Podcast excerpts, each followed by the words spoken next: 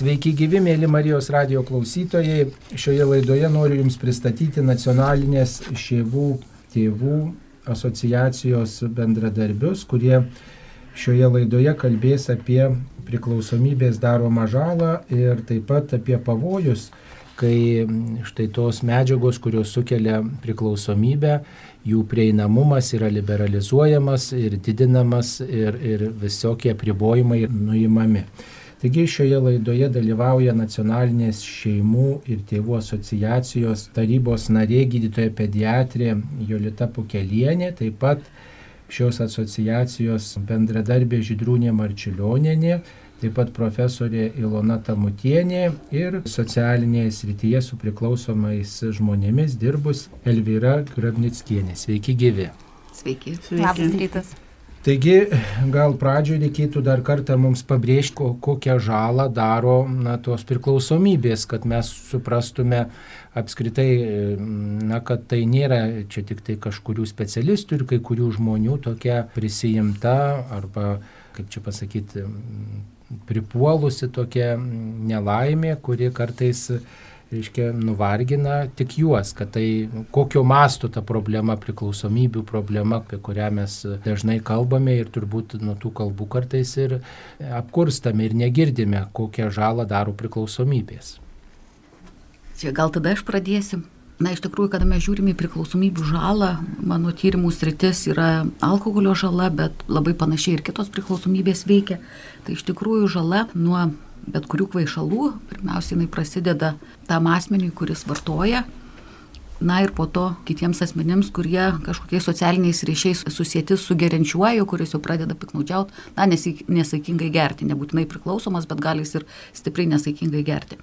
Na ir kokie tie asmenys, aišku, kad kuo arčiau to žmogaus geriančio, tuo žala yra didesnė. Na, pavyzdį paimkim, jeigu vartoja alkoholį nešia moteris, tai jau iš karto gali vaisius gimti su alkoholio vaisiaus sindromu ar kitais klaidos sutrikimais, kurie šimta procentų išvengiami, jeigu alkoholio nevartotų, o jeigu vartoja padaugintai, viskas vaikelis turi žalą visam gyvenimui, kad ir kokias finansus, kad ir kokias profesionalias paslaugas mes pasiūlintumėm, mes galim tik šiek tiek pagerinti jo būti, bet jo jau raidos nesugražinsi, kuri jau yra pakengta.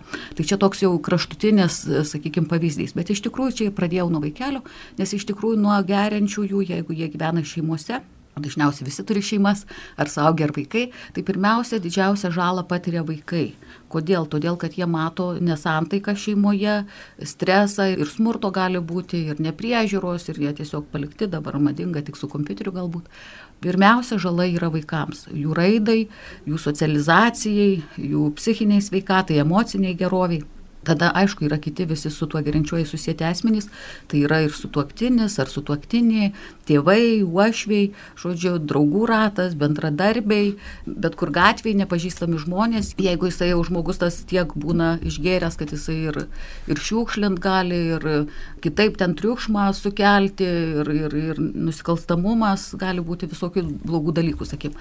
Po to ateina žala ir valstybei, ne tik visuomeniai, gatvėje ir valstybei, tada mes turim kurti paslaugas, turime mesti daugiau resursų į policijos priežiūrai, tvarkos užtikrinimui, sveikatai, nes po to mes prieinam jau iki tokios labai populiarios Lietuvoje tokio diskurso, kad ta žala paliečia tik tą gerintį, kuris yra priklausomas, o iš tikrųjų tai nueinamas baisiai didelis kelias, labai stipriai kenčia artimieji. Ir tie artimieji susiduria ir su stigma dėl jo girtavimo ar narkotikų vartojimo, sakykime. O tas žmogus, kuris geria, labai stipriai pakenkia ir savo sveikatą, ne tik psichinę, bet ir fizinę. Tai va ta žala tokia jinai didelė yra, pradedant nuo asmens, kuris geria ir užbaigiant turbūt žala ekonomikai, išlaidom visuomeniai, gerovės praradimu, prarastų darbingų metų, žodžiu, kur galėtų įnešti didelį indėlį tas žmogus arba jo artimieji, kurie iš tikrųjų po to turi rūpintis tik vien bėdomis, o jie galėtų duoti gėrį visuomeniai didelį. Tai ta labai plati yra žala ir jinai suprantama moksle, turbūt ir gyvenime žmonės šitą jaučia. Taip kaip kitos laidos dalyvės galėtų apibūdinti tą priklausomybių atneštą žalą, ar tai yra mūsų tokia tik tai nuolat pastebimas toks dalykas, toks tarsi apsiprastas dalykas, ar iš tiesų, kai veikia tai daugelį gyvenimo sričių. Tai veikia daugelį gyvenimo sričių ir ypatingai veikia vaikus, ar ne mūsų suformuotas požiūris į alkoholį, į narkotikus, ar ne persiduoda ir vaikam.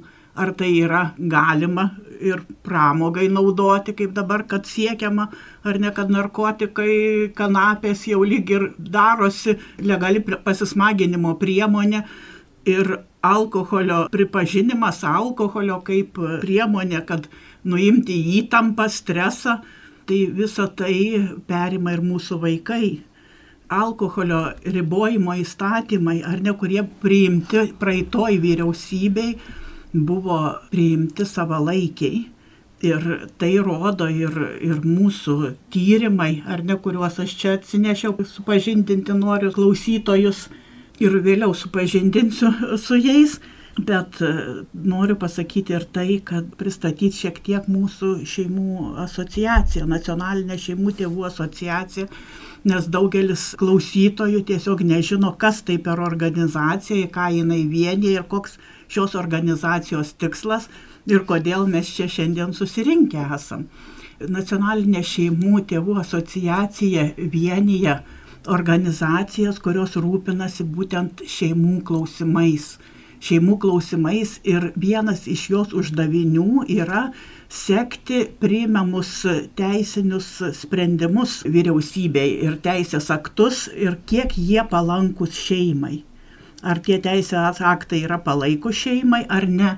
Ir būtent mūsų neramino, kad pastaruoju metu atsiranda įstatymų projektai, kurie yra labai nepalankus šeimai, nes kalbu apie įstatymus susijusius su narkotikų ir alkoholio liberalizavimo įstatymais. Tai gal dar kitos laidos dalyvės galėtų pasakyti, kuo tai pavojinga tas narkotikų ir alkoholio liberalizavimas mūsų visuomeniai, mūsų šeimoms, mūsų bendruomenėms kai iš arti teko bendrauti su priklausomais nuo narkotikų, alkoholio, su jų šeimų nariais, tai galiu pasakyti, kad iš tikrųjų žmonės gal net nežino, kurie nesusiduria, ant kiek tai yra pavojinga, ant kiek tai yra skausmingas dalykas. Užtat labai svarbu, kad kuo daugiau kalbėti, diskutuoti tą temą, kad žmonės iš arčiau pajaustų, koks yra baisus skausmas, su ko susiduria tėvai, ypač kai jų vaikai vartoja Yra tokių, buvo tokių atvejų, kad vaikai jau, nu, tiesiog jiems reikia pinigų, narkotikams nėra iš kur gauti pinigų, jie viską išneša iš namų. Mano praktikoje buvo toks atvejis, kad pardavė motinos pasą, sunus, motina turėjo išvažiuoti į Angliją, daryti operaciją, onkologinę labai rimtą gydimą gauti, o jam reikėjo pinigų ir pardavė pasą. Ir motina paliko praktiškai mirčiai. Tai va tokie dalykai atrodo, nu, kol nesusiduri iš arčiau, nu, svetimas skausmas, bet svetimas skausmo nebūna, nes kiekvieną gali paliesti, kiekvieną gali žmogų, jeigu ne šiandien, tai rytoj. Ir jeigu ne tave asmeniškai, tai tavo artimuosius, tavo pažįstamus. Ir, ir užtat reikia labai atsargiai pritarti tam liberalizavimui šitų įstatymų. Mane stebina, kad netgi Seimo nariai, kurie krikščioniškų pažiūrų, jie taip nemato pavojaus. O tai yra labai didelis pavojus ir reikia laikų sustoti ir skambinti visais varpais, kad palaukit, ką mes darom. Pagalvokim apie ateitį, pagalvokim apie savo vaikus, apie anukus. Ir iš tikrųjų, švelniai tariant, keistai atrodo tokie įstatymų projektai, kada kalbam apie kovą su smurtu ar ne, kada kalbam apie emocinės, psichologinės sveikatos gerinimą. Juk alkoholis tai yra viena iš pagrindinių priežasčių smurto artimoje aplinkoje. Juk priklausomybė nuo alkoholio turintis arba žalingai alkoholį vartojantis asmuo neigiamai paveikia visus šeimos narius, ne tik savo, ką ir kalbėjo gerbama profesorė Ilona. Ir čia norėčiau pasakyti daugiau gal iš savo asmeninės patirties, kad nebūna nekaltų mažų dozių. Mano šeimoje buvo mamos sugyventinis patėvis, kol jis būdavo blaivus žmogus, jis būdavo tikrai ir dirbantis, ir, ir protingas vyras, bet užtekdavo vieno vienintelio stikliuko, kad jis virstų žvėrimi tiesioginė to žodžio prasme. Ir šeimoje patirtis, vaikų patirtis, kada yra smurtaujama, tai nu, yra didžiulės, kur ir paskui ir ypatingai paauglius veda pačius į priklausomybės, kada jautiesi šeimoje nesaugus, kada tu jauti nuolatinę įtampą, baimę. Tai netgi ir paaugliai pradeda ieškoti nusiraminimo tame pačiame alkoholėje ir, ir kitose narkotinėse priemonėse. Tai iš tikrųjų yra labai rimti dalykai ir, sakau, dar norisi kartą pasakyti iš asmeninės patirties, kad nėra mažų ir nekaltų dozių. Bet vis tiek, vat, kažkodėl įstatymė yra tokios formuluotės, kad reiškia tokiais rekreaciniais tikslais būtų galima vartoti alkoholį, narkotikus ir, ir atsipalaidavimo tikslai savo čia truputėlį. Kodėl, net jeigu ir žino visi, kad nėra tos tokios saugios, nekaltos dozės, bet kažkodėl vat, vis tiek sklando tokia nuomonė, kad galima savo atsipalaidavimui truputėlį pavartoti, o paskui bet kada sustosiu, jeigu man pasirodys tai klaidinga, kenksminga. Tai kur yra tokio požiūrio na, klaida, kur tokio požiūrio pavojus yra, kad štai truputėlį pavartosiu, atsipalaiduosiu ir paskui jau viskas bus gerai, toliau eisis kaip ėja. Oi, kad čia ko gero, kad tai tą alkoholį žiūri, jisai aišku ir kultūriškai, ir daug kur yra. Ir aš kai pradėjau tyrimus, tai pagrindinis mano dalykas buvo rasti literatūros, kaip taip atsitinka, kad nuo tokio malonumo, nuo tokio socialumo, nuo tokios linksmybės žmonės visi, pra, nu, dažnai, kuris pradeda kompanijoje, ypatingai jaunimas, vartoti alkoholį ir po to na ta karjera tokia liūdna pasidaro ir jinai tokia liūdna nebūtinai žmonių, kurie ten nuo vaikystės šeimoje, gali ir statusą didelį, ir direktoriai visokie, ir viską mes žinom iš sovietinių laikų, kad ta karjera po to išvirsta į tokius negražius dalykus, į priklausomybės. Tai va, tai mes iš tikrųjų net ir mokslę turim tokią, sakyčiau, šiokią tokią spragą, kokį kelią nueina ir kokie tie mechanizmai ir kaip vat, šitas susiformuoja ta priklausomybė. Tokia pas mus pilka, sakyčiau, dėmė yra. Na, bet kad susiformuoja, tai po to mums visiems akivaizdu. Ir kada politika yra daroma, tai dažniausiai šitas, ta pilkoji tokia zona, jinai ir ignoruojama. Pradedama žiūrėti į tokias dvi kraštutinės, tokias rekreacijai, pasilinksminimui, kur iš tikrųjų žmonės atsipalaiduoja jiems gerą ir po to šokama iš karto prie tos priklausomybės, kada jau žmogus jau tikrai lyga pažengus labai stipriai ir, ir jau tikrai labai sunkus rezultatai ir jau sužalota aplinkinių daug. Tai va, tai Aš tai siūlyčiau žiūrėti į alkoholio politikos vystimą, nepamirštant tos pilkos, sakykime, zonos, kada padaroma karjera ir kokie ten procesai vyksta. Taip pat. Ir iš tikrųjų tada, jeigu pasaulio sveikatos organizacija, mokslininkai visi žiūri, jau yra ištirta, daug tų tyrimų padaryta, tie tyrimai tikrai validus, kaip mes mokslininkai sakom, yra išorinis ir vidinis validumas kiekvieno tyrimo instrumento. Tai jie yra jau patikrinti, žodžiu, tie tyrimų instrumentai ir išmėginti visuose pasaulio kontinentuose. Ir pasaulio sveikatos organizacija e, siūlo, žodžiu, ką mes turim daryti per ribojimus, tokia bendroji prevencija, kad menkesnis tas prieinamumas būtų, žodžiu. Na ir, ir tikrai Lietuva buvo labai teisinga pusė, pasukus ir labai ant gerų vėžių atsistojus, nes mūsų rodikliai tiek formalios statistikos, tiek mokslo jau pradėjo rodyti tokius pozityvius, kaip sakant, rodiklius, pozityvų tą posūkį, na ir dabar vat nelaimiai vėl pradėta kalbėti. Čia norėčiau priminti, kad politikoje, kada mes kalbam apie alkoholį ir jo vystimą tos politikos, tai dažniausiai susikerta keletas interesų. Tai vienas iš jų yra biznio tas ekonominis interesas, pelnas, kur vaidina didelį, kitas yra viešosios tvarkos interesas, tai visa gatvėse, visur ten, sakykime, ir, nu, žodžiu, ir smurtas. Kitas interesas gali būti ir šeimų saugumas, ir gerovė, vaikų ten rekreacija, ir kaip gims vaikai, žodžiu, ar jie sveiki bus, nu, kokia ta aplinka. Tai bet tie interesai yra labai skirtingi ir dažniausiai yra iššūkis didelis patiems politikos darytojams, nes jie turi subalansuoti tarptų įvairių visuomenės grupių interesų. Bet dabar šiais laikais jau mes esam pripratę, kad turėtų būti įrodymais grįsta politika.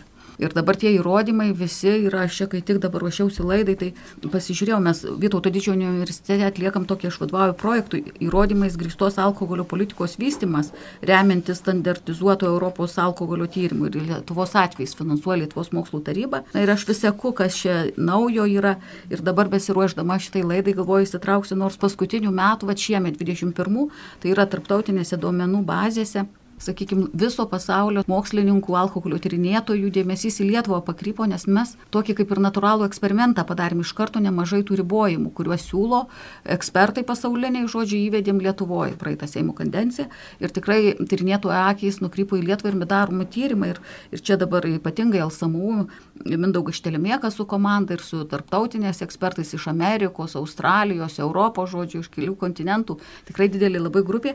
Ir čia tyrė mirtingumo rodiklius, rodiklių priklausomumą nuo alkoholio politikos priemonių. Vat, tai 20 mečių ir vyresnių ir ką nustatė, kad mirtingumas dėl sumažėjo 3,2 procento negu be tokios politikos. Žodžiu, ten tokias laiko įlučių analizę žiūri ir sudėtingi metodai, bet iš tikrųjų nustatė, kad na, mirtingumas sumažėjo. Po to Rehma su kolegomis tame tarpe ir, ir lietuviais pasižiūrėjo sukeliamos eismo žalos sumažėjimą, nustatė irgi ryšim su šitu visą puokštę alkoholio ribojimų, kurie buvo įvesti prieš tai. Po to Šenon Langė su kolegomis nustatė, kad didėjantis akcizas turėjo įtakos savižudybių sumažėjimui. Žodžiu, čia jisai 17 metų su kolegomis žiūrėjo rodiklius ir nustatė, kad alkoholio politika užkirto kelią 57 mirtims nuo savižudybių tarp 25-74 metų. Po to Rovira ir kiti čia vėlgi pažiūrėjau, kad akcizai padidinti lemia, kad bus 10 metų, ateinančių 10 metų bus išvengta po 45 naujų atvejų vėžio ir 24 mirčių. Gal čia tūkstančiai neskamba tokiam kiekybiškam vartojimui pasauliui, tokiam skaitmeniui, bet iš tikrųjų kiekviena mirtis tai yra nu netektis didelė ir šeimai, ir visuomeniai, ir bendrai. Tie rodikliai, kurie prasidėjo ir tie tyrimai, jie rodo visi, kad tos priemonės buvo veiksmingos. Visuomenė irgi nėra tų demonstracijų nepasitenkinimo, kad kažkam blogai, kai tik atvirkščiai. Visuomenės irgi apklausos rodo, kad tos priemonės priimtino žmonėm, kurios buvo. Bet aišku, čia ir žala, kurioje aš tyrinėjau alkoholio žalą kitiems, irgi labai rodo, kad sumažėjo ta, pavyzdžiui, 2015 metais 77,3 procentai patyrė tą žalą susitą su kitų girtavimu viešoj vietoj ir svetimiem žmonėm, ne šeimos nariam, bet čia tiesiog viešoj vietoj. Ir 20 metais 68 procentai. Tai va, tai iš karto matom, koks skirtumas palyginus nedideliam laiko perspektyvo, tokius rodiklius pasiekti tikrai yra sudėtinga. Na, kad ir teigiama šitas visas poslinkis mūsų Lietuvoje buvo su šita sugriežtinta politika, vis tiek mes atsiliekam nuo ES šalių vidurkio, vis tiek pas mus yra labai daug to žalos, neleistinai daug. Reikėtų gal mūsų klausytojams priminti, kokie tie ribojimai pasiteisino ir štai jūs čia va, remetės visokiais tyrimais, jūs minėjot vieną tokį apribojimą arba tokį alkoholio srityje apsunkinimą, tai kainos pakelimą, kai akcizas, reiškia alkoholio akcizas padidėjęs yra, reiškia didesnė alkoholio kaina, kitaip tariant, o kokie kiti tie ribojimai pasiteisino ir tas alkoholio prieinamumas, vartojimas sumažėjo, gal galėtume priminti mūsų klausytojams štai tai kokie tie ribojimai buvo. Na tai čia tie ribojimai, dėl kurių, aišku, akcizas vis buvo nustatyta, kad kils ir, ir didės alkoholio kaina, tai šitas sėkmingai ir daroma, po to jeigu prisimenat, kažkada tai ir degalinėse ir visur buvo parduodamas alkoholis, labai vietų apribota, po to laikas, valandos, sakykime, po pietų, kad jau negalėtume ir sekmadienį nusipirkti. Žodžiu, ir va tokie prieinamumo ribojimai. Amžius, nuo kada galėjo įsigyti alkoholio, irgi buvo riba pakelta, dėl kurios irgi dabar labai diskutuoja įvairiai. Tai va tų buvo įvestos kompleksinės priemonės, ką ir sako ekspertai, kad pavienės jos ir, ne, ir reklamos varibojimą pamiršau, tai labai svarbus, kur mes apsipratom ir tu turbūt patenkinti, kad mums tos reklamos per, per visur nėra tiek daug, žodžiu. Tai, va, tai visa šita priemonių kompleksiškumas, jisai ir duoda tą teigiamą rezultatą kad jos visos kartu įsivaizduokit, kad tik vieną kažkuria padariau, visos kitos veikia. Tai tikrai tokio veiksmingumo neduotų, kaip duod, davė iki, iki pandemijos, bent nežinau dabar su pandemija. Irgi, kad ribojimai yra vis tiek viso pasaulio rodikliai kyla į tiek, kad vartojimas padidėja, nes žmonėms labai daug streso. Bet, mielos laidos dalyvės, turbūt e, žinot puikiai, kad nors ir tie apsunkinimai yra vis tiek tarp jaunų žmonių yra tas toks gajus mitas, kad reiškia pabandyti reikia ir žolės patraukti, ir kažkokių narkotikų pabandyti, kaip čia jausimės, kaip čia, kokia čia bus euforija, ypatingai kai yra kažkokie vakarėliai ir nepaslaptis, kad tuose visokiuose susibūrimuose galima gauti ne tik lengvo alkoholio, bet ir narkotikų. Ką apie tai galime pasakyti, apie tą prieinamumą ir apie tą tokį, tokią normą, ypač kai yra kažkokia linksma proga, štai pašneukšti kažkokių narkotikų jauniems žmonėms arba vartoti alkoholį. Nu, aš čia noriu pasisakyti, turbūt kaip gydytoja pediatrė, ką aš matau, kaip būtent buvo įvesti alkoholio ribojimai, ar ne, tai keitėsi visa ta politika, paveikė ir mūsų vaikus. Ir tai galima ir objektyviai įrodyti, dėl to, kad atliekamas yra toksai paauglių 15-16 metų paauglių espat tyrimas, ar ne? Ir mes objektyviai yra apklausiami pagal klausimyną paaugliai apie būtent jų vartojimo tendencijas ir žiūri vartojimo, alkoholio vartojimo, narkotikų vartojimo tendencijas. Ir galiu pasidžiaugti, kad būtent va šitos visos priemonės, kurios buvo priimtos ar ne iki šiol, ar ne tai būtent alkoholio ribojimas, alkoholio paaugliam kaip žinome, ar ne, kad čia didžiausia pasipriešinimą Seime ir sukėlė būtent, kad buvo apribota 20 metų jau ne, alkoholio negali įsigyti suaugę jau vadinami žmonės ir tuo remiantis liberalizavo šitą įstatymą. Tai va tas espat tyrimas parodė, kad būtent dabar paskutiniai duomenys, 2019 duomenys, kad būtent alkoholio vartojimas mūsų paauglių tarpe labai ženkliai sumažėjo. 2019 metais tik tai 27 procentai paauglių nurodė, kad jie vartojo alkoholį e, laikė 30 dienų iki tyrimo atlikto. Tuo tarpu palyginimui 2003 metais tai nurodė 77 procentai paauglių. Tai yra ženklus, va, būtent šitos politikos ar nesumažėjimas. Mane kaip pediatrą džiugina dar ir tas faktas, kai pavyzdžiui per egzaminus anksčiau ar ne, po egzaminų būdavo pilnos parduotuvės vaikų mokykliniam uniformom, kurie perka alkoholį ir eina švęsti egzamino. Dabar po egzaminų mes šito fakto nematom ir nėra. O galima pasakyti, ar ne, kad dabar yra mokymosi kokybei, ar ne, būtent įtaka. Jeigu anksčiau po to gero vakarėlio įsekantį egzaminą ne visi vaikai ateidavo blaivus ir galintis parodyti savo žinias, dabar tokių atvejų praktiškai į egzaminą ateina vaikai blaivus. O dabar toks yra štai jau keli ar net keliolika metų, kai su alkoholiu švenčiama rugsėjo pirmoji. E, štai nu, toks keistas dalykas, bet ne tik studentai, bet ir mokiniai, reiškia, švenčia rugsėjo pirmąją vartodami alkoholį ir net narkotikus. Ir turbūt dabar nėra pardavinėjamas alkoholis rugsėjo pirmąją, bet vis tiek tas šventimas yra, tai gal iš anksto apsirūpina jaunimas alkoholiu, narkotikais, kad galėtų švęsti. Gal čia ne tiek tais draudimais reikėtų mums irgi e, juos atkreipti dėmesį, bet apskritai visai visuomeniai kelti tą alkoholio tokią vartojimo kultūrą ir, ir nukalbėti apie tą žalą daugiau, bet kodėl jauni žmonės vat, negirdi to kalbėjimo, nors atrodo jo ir yra. Nu, mokslas įrodė, kad toks kalbėjimas, ar ne, kaip yra apie alkoholio žalą, vaikam yra visiškai neefektyvus. Ar ne ir tos paskaitos tokios yra visiškai neefektyvios, tai antrinė prevencija, mes kaip žinom, yra žymiai mažiau efektyvi už pirminę, o pirminė tai prevencija yra tokia, kai yra, turi būti šalinamos būtent priežastis. Ar ne išsiaiškinti, kokios yra priežastis, kad vaikai nepradėtų vartoti alkoholio. Vienas iš tokių, ar ne pagrindinių, yra šeima. Tvirta, darni šeima yra pagrindinė prevencija.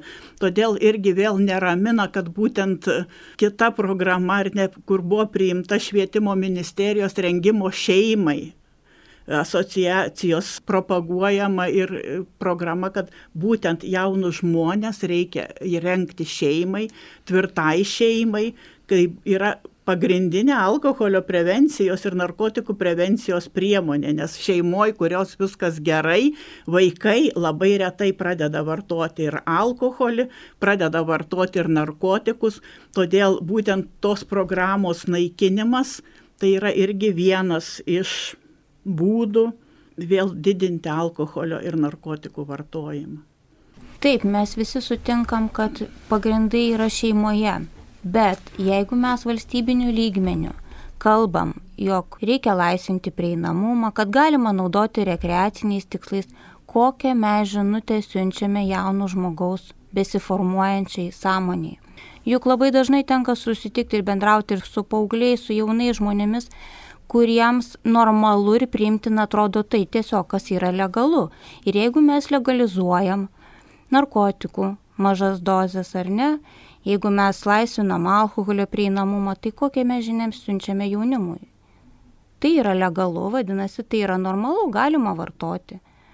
Rekreaciniais tikslais iš tikrųjų tai labai įdomiai, švelniai tariant, skamba, kaip mes keičiame sąmonę keisdami kalbą. Rekreaciniais tikslais. Nu, tai reiškia galima atsipa, poilsiui, poilsiui, atsipalaidavimui, tokiam laisvalaikio praleidimui galima vartoti narkotikus ir alkoholį. Tai tokia žinutė, kad reiškia maždaug skatinamas vartojimas. Imkite ir atsipalaiduokite būtent tokiu būdu, ką jaunimas ir taip daro, tačiau, vat, kaip sakot, tokia politika tai tarsi tą patvirtina ir tą skatina. Tai kaip galima vis dėlto priešintis arba pasisakyti prieš tokią politiką, ar vien tik tai statistika kažkokia, ar dar kažkokiais būdais galima pasisakyti, reiškia, apie tokio kelio klaidingumą. Nu, ta, ir mokslas rodo, yra mokslo pagristi įrodymai, ar ne, kad smegenis būtent baigia formuotis 20 metais jeigu anksčiau manoma kai argumentas kad galima tuoktis aštuoniolikos metų tai manau kad ir tuo pagrindu reikia ir alkoholį leisti gerti nuo aštuoniolikos metų tai yra visiškai klaidinga. Aš sakyčiau kad reikėtų stumti daryti pataisą ir tokią kad ir tuoktis reikėtų pradėti ar neleisti nuo dvidešim metų ne nuo aštuoniolikos. Nes būtent už atsakingų sprendimų prieimimą atsakingos priekinės smegenų dalis būtent formuojasi vėliausiai ir tuo naudojasi ar ne ir to alkoholio pardavėjai ir panašiai, nes būtent kuo anksčiau pavartoja irgi mokslo įrodyta, kuo anksčiau pavartoja alkoholį ar narkotikus, tuo greičiau vystosi tokiam žmogui priklausomybė. Nu, pavyzdžiui, mokslo įrodyta, kad jeigu kanapės ar ne vartoja, vyresnio amžiaus pradeda vartoti, ne paaugliai, tai jiem priklausomybė išsivysto maždaug 8 procentam. Jeigu kanapės pradeda vartoti 16-15 metų paaugliai, tai šitas skaičius išauga dvigubai, jau 16 procentų. Ką tai reiškia? Tai reiškia, kad mes auginam naują pastovę vartotojų kartą. Nes va čia ir sakė, minėjo, kad būtent net meilė mamai nieko nebereiškia, kai yra įsijungia noras alkoholio, noras narkotikų kai yra priklausomybė. Bet dar vis tiek yra gajus toksai mitas ir tarp jaunimo, ir tarp vyresnių žmonių, ką čia vieną kartą, ką čia truputį, ką čia labai lengvas tas alkoholis, ką čia labai tos kanapės, tai čia nėra kažkoks, ten nežinau, stipresnis narkotikas, čia labai lengvi narkotikai, čia va truputėlį tik tai. Pailsėsim, atsipalaiduosim, va, ir, ir tas toks mitas yra, kad vieną kitą kartą pavartojus nieko čia neatsitiks. Kaip galėtume vis dėlto pasakyti ir paneigti šitą mitą, kad vis dėlto ir tas vienas kartas gali būti pražutingas sėkmingas arba antras kartas, trečias kartas, net kai žmogus save kontroliuoja, kad tai irgi gali būti pražutingas kelias. Kodėl jaunimas ieško va, tų to tokio pasilinksminimo, pasipildymo savo vidinės e, tuštumos. Dažniausiai tai dėl to, kad meilės trūkumas yra. Kažkokia vidinė ta tuštuma įverčia ieškoti, kažką bandyti, kažkur eiti. Ir kaip tik šalia atsiranda tie draugai, kurie pasiūlo, ką daryti. Nu pabandyk, vienas kartas nieko tau neatsitiks, tu tiesiog pakaifosi, tau bus gera ir, ir paskui, kodėlgi, jeigu man gera, kodėl nepabandyti antrą kartą o jeigu gera dar labiau gera, tai kodėl ir trečią nepabandyti. Nu, man labai patiko motinos Elvyros, vienuolės tokios, kurį įkūrė Čenokolos bendruomenė pasaulyje, gan žinoma reabilitacinė narkomanam ir nu, visiems priklausomėm. Tai jinai analizuodama tos bendruomenės narių gyvenimą, jinai priejo išvados, kad visiems, kurie yra priklausomi, trūksta meilės. Pirmiausiai trūksta meilės šeimoje. Ir ta meilė, jinai, jeigu jinai nėra papildoma, jeigu nėra ryšio su viešpačiu, nėra ryšio su artimais, tada ieškom iš išorės, tada ieškom, ką daryti. Kaip gauta meilė? Ir tada klaidingas kelias. Tada iš karto atsiranda kažkas, kuris tave nukreips nuo pagrindinio kelio šalutinį. Ir čia reikėtų tėvam pirmiausia susimastyti nuo pat mažumės, kad Aišku, reikia dirbti, laiko trūksta, visi užsijėmė, dabar skubėjimas, dabar lėkimas ir vaikam to laiko trūksta. televizorius, internetas neužpildys tos meilės, tos tuštumos. Tai yra kelias į pražūtį, mirties kelias. O mirties kultūra dabar labai populiari pas mus. Taip, tai dar gal dar kitų argumentų turite, kodėl štai tas vienas kartas, kitas kartas pabandyti gali būti toks tikrai pražutingas. Čia man dėstytojas mano, kai mes buvom studentai, farmacijos dėstytojas pasakė, jūs medikai, jūs turėsit galimybę susidurti, prieiti prie narkotikų. Tačiau aš duodu jums vieną patarimą, nes atsiminkit, kad ir net vienas kartas jūs gali padaryti priklausomų. Mes visi esam skirtingi, mes nežinom, kokia mūsų viduj ar ne įdėta programa. Ir tas perspėjimas turbūt mane sulaikė daug kartų. Dėstytoje pasakyti žodžiai, kad atminkit, kad būtent ir vienas kartas gali padaryti, nes paprastai yra toksai mitas, ar ne, kad ypatingai dabar apie kanapės, kad vos kanapės rūkyti vos nesveika, daug sveikiau negu cigaretės. Jūs turbūt žinot, kad dabar tų cigarečių vartojimas jaunų žmonių tarpe yra ženkliai sumažėjęs ir dabar ateina nauja banga, tačiau nu, niekas nepasako, kad nebėra to skirstimo, ar ne, kad mokslo jau seniai įrodyta, kad nebėra, yra lengvų narkotikų ir sunkių narkotikų, kaip dabar čia bando ir Seimas daryti pataisas, ar ne, kad čia atskirs lengvus narkotikus, sunkius narkotikus, tai praktiškai mokslų neparemtos pataisos. Ir šitie narkotikai, dabar kanapės, jeigu palyginti ar ne, yra visai ne tos, kurios anksčiau augo 60 metais, kai buvo pradėta vartoti kanapės. Tai tada to tetrahidrokanabinolio, THC kiekis toje kanapėje būdavo vienas procentas. Dabar praktiškai visa kanapė yra genetiškai modifikuota ir tos aktyvios medžiagos kiekis siekia iki 30 procentų tai tokį produktą gavęs vaikas, parūkęs, jau jis tikrai gali tapti labai greitai priklausomu. Dar kita blogybė, ar nesintetiniai kanabinoidai ateina, sintetika, kur užtenka ten tų miltelių pagauti, kur poveikis ir iš vis nesmegenis vienu metu ir slopinamos, ir skatinamos, ir visiškai degraduoja asmenybė labai greitai. Todėl tas draudimas žinia dabar nenauja, va čia dabar, oi, čia tą narkotiką labai lengva, nu čia nieko tokio ir taip toliau vaikam, tai ta žinia vaikam pakankamai yra patraukli. Dėl to, kad ir COVID situacija ar netyrimai parodė, kad labai daug vaikų jaučia nerimą, labai daug vaikų depresyvus, galų galia ir socialiniai ryšiai sutrukinėja. Ir čia ateina į pagalbą narkotikas sunkiau ar ne išmokti pratimų atsipalaidavimo, kvėpavimo, meditacijos ir taip toliau, o paimti kanapę, surūkyti labai greitai ir labai lengva. Ir jeigu mes padidinsim dar prieinamumą ir nebausim vaikų už tai, nes kai siūlo dabar, kad būtų bauda iki 30, 30, 50 eurų, ar nepagavus ir jeigu sumoki iš karto administracinis protokolas, tai leidžia tai sumažinti iki 15 eurų, taigi rizikos praktiškai visiškai nebelieka ir vaikam tada kyla noras išbandyti, ar ne, kad gal tai bus smagu, gal bus lengva, gal man nerimo nebebus. O paskui turėjau vaiką tokį, kuris sakė, aš pradžioj dar skaičiavau septintokas sakė, skaičiavau, kiek aš cigarečių surūkiau, bet dabar sakė, aš jau nebeskaičiuoju. Turėjau vaiką, kuris 18 metais, kuris atėjęs sakė, anksčiau man atrodė, kad smagu tos kiekvieną šeštadienį, sekmadienį, vakarėlis, aš vartoju alkoholį, bet aš dabar jaučiu, kad aš be jo gyventi jau negaliu. Ką man daryti? Programų tuo metu visiškai nebuvo pagalbos.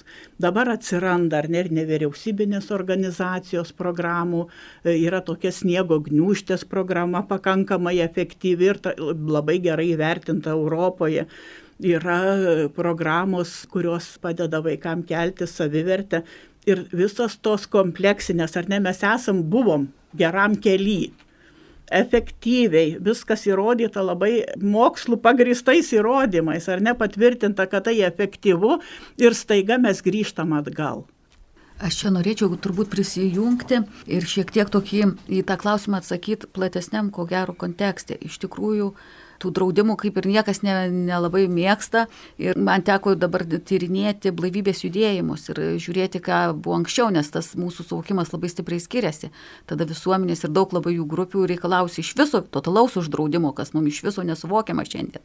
Ir aš žiūrėjau, kas ten buvo naujo. Tai ir buvo naujo, vat, susietai su, su, su klausimu, ko gero, kurį paklausė. Tai iš tikrųjų, ką aš išvelgiau tuo metu istorijoje, tai kad visuomenė turėjo aukštesnius tikslus, kur blaivybė buvo buvo vienas iš būdų siekti tų aukštesnių tikslų. Tai dabar mes, jeigu pasižiūrėsim valstybės mastu, kokia atsakomi, ar mes iš tikrųjų norim gerbuvio savo šaliai, blaivaus, saugaus žmogaus, vaikų, kurie neturi nerimo sutrikimų ir nereikia ten, bet kaip, kaip minėjau, kaip pasakoju, kokie, tokius atvejus. Tai iš tikrųjų tada rūpestis ir tada galėtų ateiti tas, kas jau buvo XIX amžiaus pabaigoje, tik tai pritaikyta šiandieniniam kontekstui. Nes o kas buvo? Tai reiškia, nebuvo vien tik tai draudimas, bet buvo steigimas įvairių arbatinių šaltinių be alkoholio, įvairių ten tokių pasilinksminimų.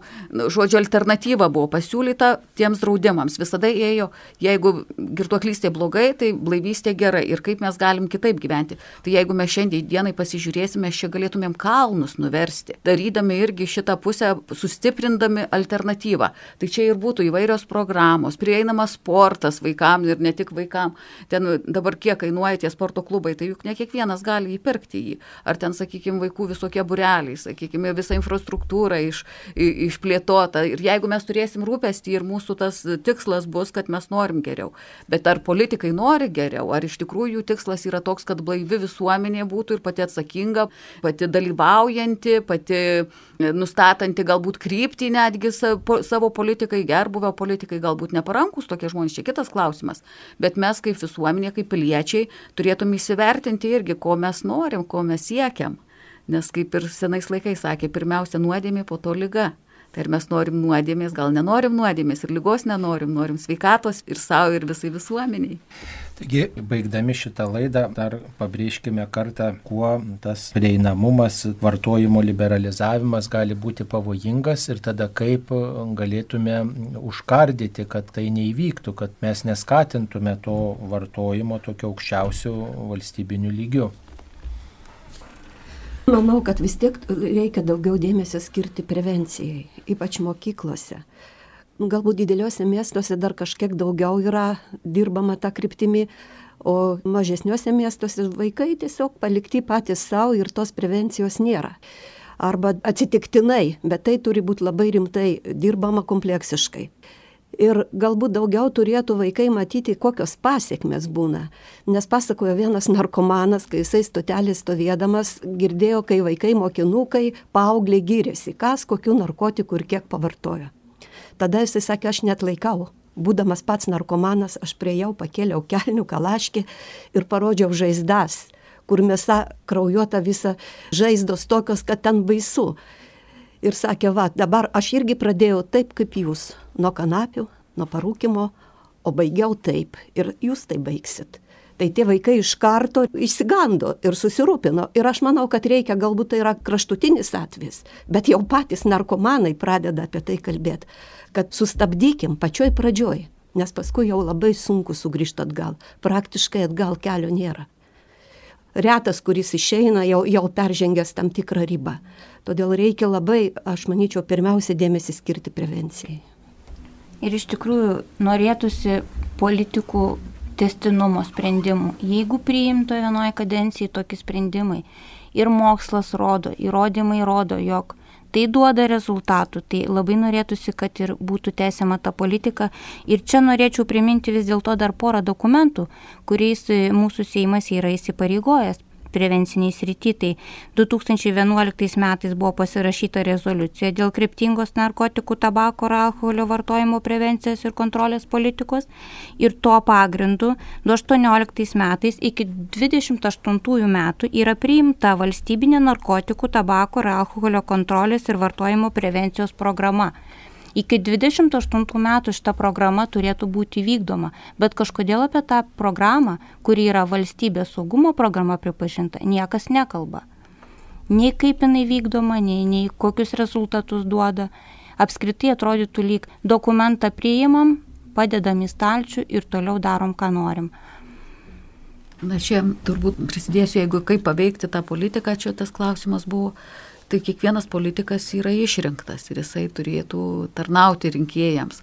Tai mano toks galbūt pasakymas būtų, kad reikia daugiau ir pilietinės visuomenės, kurie žino, jeigu arba aktyvistai, kurie pagal apylinkės, kur kas laimėjo, tiesiog turėtų žmonės rašyti ko gero, išreiškti savo nuomonę ar kad paaiškinimų prašytų, kodėl vienaip ar kitaip dabar yra alkoholio ir tabako kontrolės koalicija, nevyriausybinė organizacija. Jie ten daro reitingus tų politikų, kas kaip balsuoja.